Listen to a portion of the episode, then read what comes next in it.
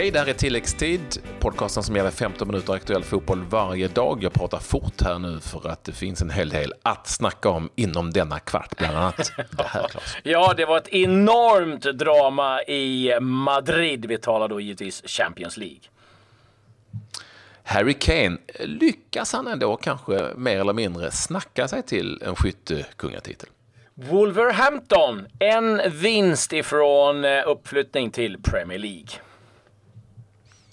Så är det eh, och ni som har åtminstone lite koll på fotboll vet ju att vi måste inleda med Champions League. Detta eh, galna Champions League eh, bör vi väl tillägga att det trots allt är.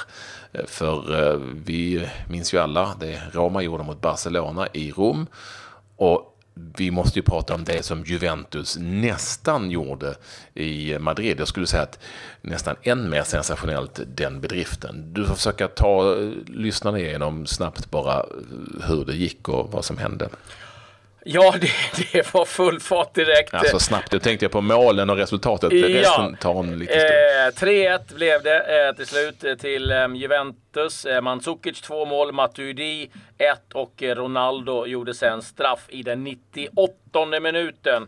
Och eh, Bayern München, Sevilla, där matchen slutade 0-0 och därmed också Bayern München vidare till semifinal. Men eh, vi får givetvis eh, lägga all fokus på Real Madrid-Juventus för eh, ja, det var helt sjukt vilken match det blev.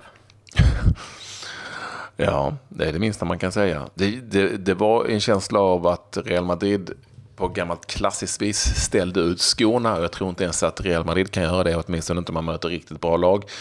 Och när det hade gått en kvart, dels så stod det ju 1-0 redan till Juventus, men de hade ju riktigt heta målchanser. Det blev ju nästan målchans i början att eh, anfall.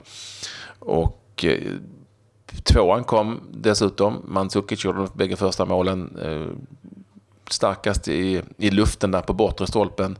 Och det fanns läge för honom. Nu hade ju såklart Real sina chanser, ett ripskott bland annat, men det var väl nästan som man hade räknat med i det här mötet. Det jag blev mest ska vi säga, överraskad av, det var ju att eh, den här psykologin som 3-0 ändå innebar för Real Madrid när de gick in i matchen på hemmaplan. Att den kan spela så stora spratt även för rutinerade och starka lag som exempelvis Real.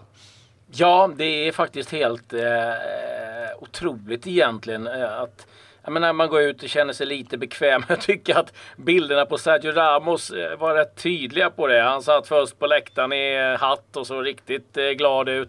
Nästa bild efter 2-0 var lite mer sammanbitet. Och sen eh, när det blev 3-0 då helt plötsligt stod han i spelargången och gestikulerade och skrek.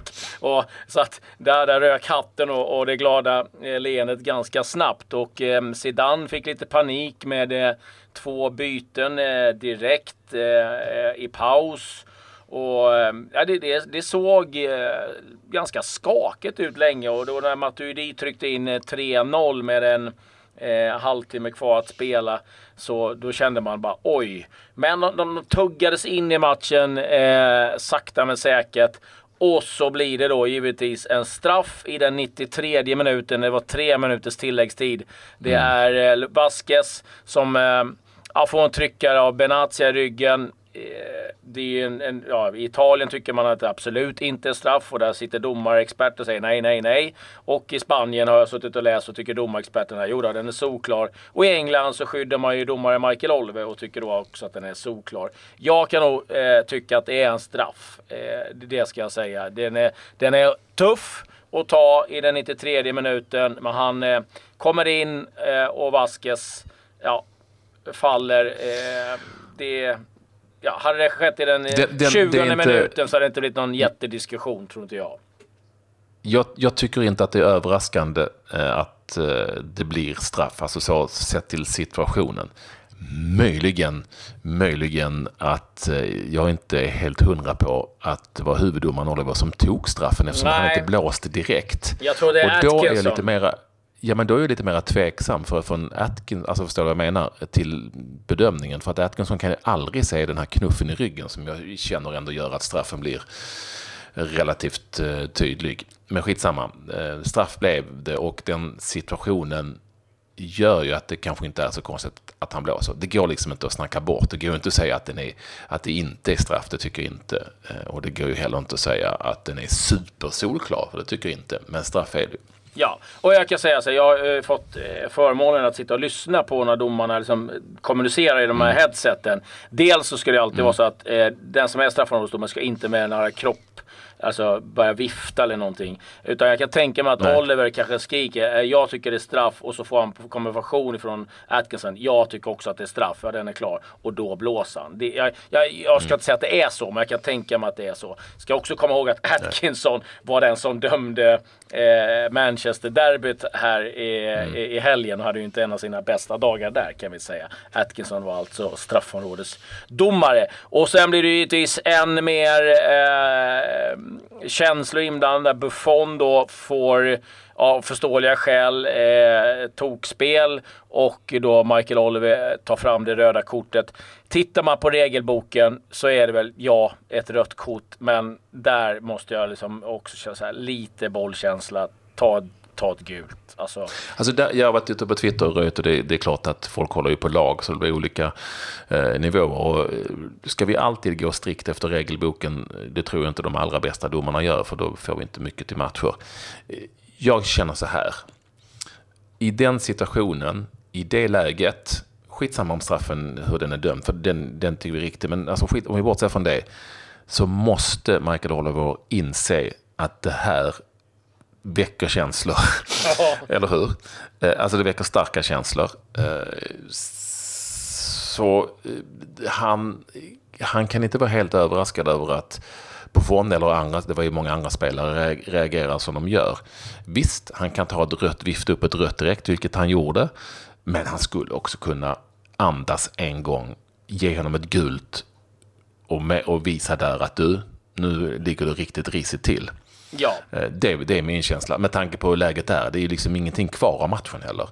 Alltså det, det beror ju sig på om straffen hade gått i mål eller inte. Där, det, det, vet man ju inte där i det läget. Men där tycker jag att, där bör, där tycker jag att domaren ska ha lite känsla. Och ja. Även om vi ändå får säga att det var lite överraskande att just Buffon fick det tokspelet. Men det var ju hans internationella karriär som på något vis seglade iväg med den där straffen.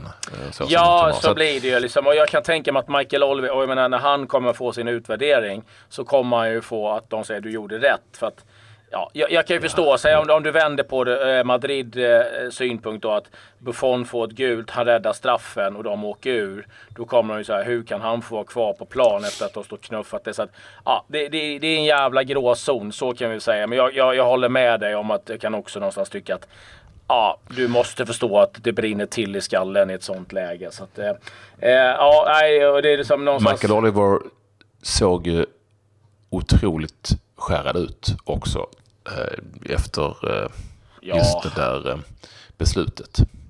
Ja, det är, Otroligt inte, det, är inte, ja, det är inte roligt att stå där i den stormen och, och veta liksom betydelsen för allt. Och, eh, presidenten i Juventus, Agnelli, har varit ute och eh, svingat. Eh, dels att han tycker liksom att det är ett skandal att man inte har VAR. Eh, att Pierluigi Collina som utser domare är så rädd att vara partisk mot italienska så att de, de får bara sopor till domare, typ. var hans eh, Eh, alltså det, det, är så mycket liksom, som händer nu så att, och man kan förstå att det, det bubblar över åt, åt alla håll. Liksom, så mm. att, eh, eh, men vi, alltså, innan vi går vidare, bara måste säga Cristiano Ronaldo får stå fem minuter i stort sett och vänta och sen borrar han bara upp den i krysset. Hans 60 mål i eh, slutspelsfasen. Hans 150 Champions League-match, 120 mål totalt. Alltså säga vad man vill, men alltså det är inte många som står där och sen bara dynga upp den rätt upp i klykan i ett sånt läge. Det är, ja, det är makalöst. Får jag bara ställa en fråga till om du har koll på det? Eh, Allegri gjorde ett byte efter en kvart när Lichsteiner kom in istället för Schiglio. Eller hur säger man? Di Chilio. Di Chilio. Det såg, det såg inte ut som att han var skadad. Nej, jag tror att... Och han, var rätt irrit, han var rätt irriterad när han gick ut. Kan det verkligen ha varit ett taktiskt byte efter 15-20 minuter? Nej, alltså jag, då skulle jag vara extremt förvånad. Eh, jag har följt ja. Jove 20 matcher tror jag kommer till den här säsongen och eh, Nej, eh, jag tror att det var haft, han haft lite skadeproblem. eh, den senaste tiden. Så jag tror att eh, han, han tar inte ett sånt byte så pass tidigt. Han, han, för att De Chiglo gjorde ett, ett, ett, en djävulsk löpning eh, redan när Lichsteiner stod där redo för bytet när han visste att han skulle bytas ut. Ah, och så såg han rätt besviken ut när han gick ut, men det kan han ju ha varit för att han var skadad såklart. Så att, nej, det var bara en fråga. Se om du visste det, för i så fall var det ju rätt. Ja, nej, jag har faktiskt suttit och kollat speciellt. efter det under matchen och eh, även nu och jag har inte sett någonting. Och det är klart att efter det som hände så hamnar inte det särskilt högt på, på, på listan där. Över, det är inte första frågan man ställer på presskonferensen. hur är det med ditt chilio? Eh, men eh, nu, nu måste vi nog ösa på lite grann här. Ja, Bayern München, eh, Real Madrid, Roma och eh, Liverpool vidare till semifinal. Och jag måste bara dröja mig kvar lite med Roma för att presidenten igår, James Palotta, han åkte in till stan, hoppade in i eh, fontänen och badade.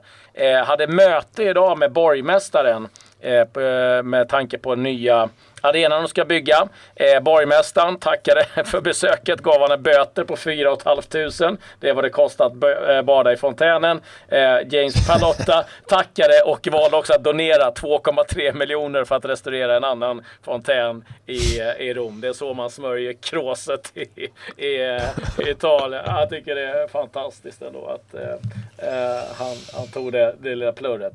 Men ehm, vi har haft lite andra matcher eh, idag faktiskt och eh, det har varit eh, superettan-fight. Eh, guys, de många på Patrik.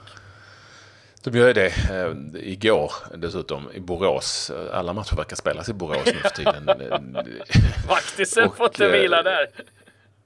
IFK Värnamo fick ju flytta sin match dit för de hade ingen eh, spelbar plan på Finnvedsvallen. IFK Värnamo Gais, alltså 2-1 till Gais som ångar på. Eh, sedan Jesper Westermark och Dusan Djuric framförallt avgjort eh, i den 90 minuten för Gais. Och så var det fotboll i Championship, du nämnde ju det i, i löpet. Ja, Wolverhampton mötte eh, Derby County, vann den matchen med 2-0. Jota gjorde mål efter 6 minuter och sen stod Ruben Neves för en riktig kanon ifrån 30 meter tryckte han in eh, segermålet då och nu behöver Wolverhampton bara en enda seger till för att säkra avancemang då till Premier League nästkommande säsong. Och om vi håller oss kvar i England, där har Harry Kane eller, eh, lyckats med en bedrift får vi ändå säga. Ja, jag vet inte hur mycket han själv ligger bakom det här. Det jag tror att, nog att han har varit där och påpekat lite grann. det, men det, det, var ju så att Harry Kane slåss ju med eh, framförallt Mohamed Salah om att vinna skytteligan. Eh, Kane står numera på 25 mål eh, i där Premier Leagues skytteliga alltså. Och ehm, han är väl fyra mål då efter eh, Salah som har gjort flest mål i Premier League. Alltså han jagar ju på där helt enkelt. Och så var det ju det att i det här mötet mot Stoke så gjorde ju Christian Eriksson bägge målen för Tottenham. Trodde man, för efter att ha kollat på repriser och sådär så la Tottenham snedstreck Harry Kane då, in ett överklagande till Premier Leagues, vad det nu kan vara, ledning där och sa att men det var ju för tusan eh, Harry Kane som var sist på bollen. Och han fick det målet. Så därför kunde han knapra in ytterligare ett mål på, på Salah som har dragit iväg en, en tweet um, som uh, är jätterolig. Uh, där han skriver “Wow, really?” Frågetecken. Ja, det är lite kul. ja, nu, nu, nu är det igång. Nu kommer det protesteras. Ja, jag, jag hoppas att eh, Harry Kane bjuder Eriksen på någon, någon schysst middag eller någonting med tanke på att han nu då mer eller mindre snodde ett mål för honom. Ja, det, det är hårda bud när det gäller att eh, jaga skytteliga titlar. Eh, hårda bud kan det också bli för eh, PSG, för nu granskas de ganska rejält av eh, Uefa och eh, Financial Fair Play eh, ja, ska säga, organet eller de, eh, organisationen där. Och det handlar om att de har extremt överdrivna sponsoravtal som man då har haft en eh, utomstående som har eh, ja, granskat de här sponsoravtalen och kommit fram till att ja, de eh, är saltade rejält. Och eh, det ska bli väldigt intressant att se om man vågar ta i med hårdhandskarna nu och eh, eh utesluta PSG till exempel från Champions League eller om man eh, fegar i eh, gammal klassisk stil och trycker till någon eh, stackars liten klubb istället sen. Eh, det är väl kanske det mest troliga. Men eh, eh just nu så osade osar det i alla fall lite ett kring eh, PSG och eh, det är givetvis övergångarna med Neymar och Mbappé som också spelar in i det där. Ikväll är det Europa League. Får vi se om det händer saker där också med tanke på hur Europa, liksom fotbollen har vänts upp och ner. Och CSKA Moskva vinner med 7-0. ja, jag tror att Wenger har alltså tvingat spelarna att kolla på de här matcherna nu. Att herregud, ja. eh, slappna inte av. Eh, ja, en sista nyhet om inte du har något annat. Mm. Jag har en kortis, men jag tar den sist. Ja, eh, Oskar Hiljemark kan få ny tränare i form av Pippo Inzaghi. Numera tränare i Venezia, har gjort det riktigt bra där, mm. förde upp dem till Serie B. Och eh, det talas om att Balladini som nu är mera tränare inte kommer få vara kvar. Och eh, han som tidigare var sportchef i Venezia och tog Inzaghi dit, han är numera sportchef i Genoa. Så att eh, det kan nog vara någonting att eh, eh fundera på att det kan nog bli Inzaghi som hamnar där. Och jag som har lite connection i just Venedig eh, på andra håll vet, jag känner en kille där som bor där och han har pratat, pratat mycket om Pippo Inzaghi. Framförallt har han sagt att han är den enda tränaren i det italienska eh, tränars eller systemet som har eh, så som tränare varit offside fler gånger än spelarna. ja, det, det är jätteroligt. Alex Ferguson sa ju det, han föddes i en offside-position. Ja.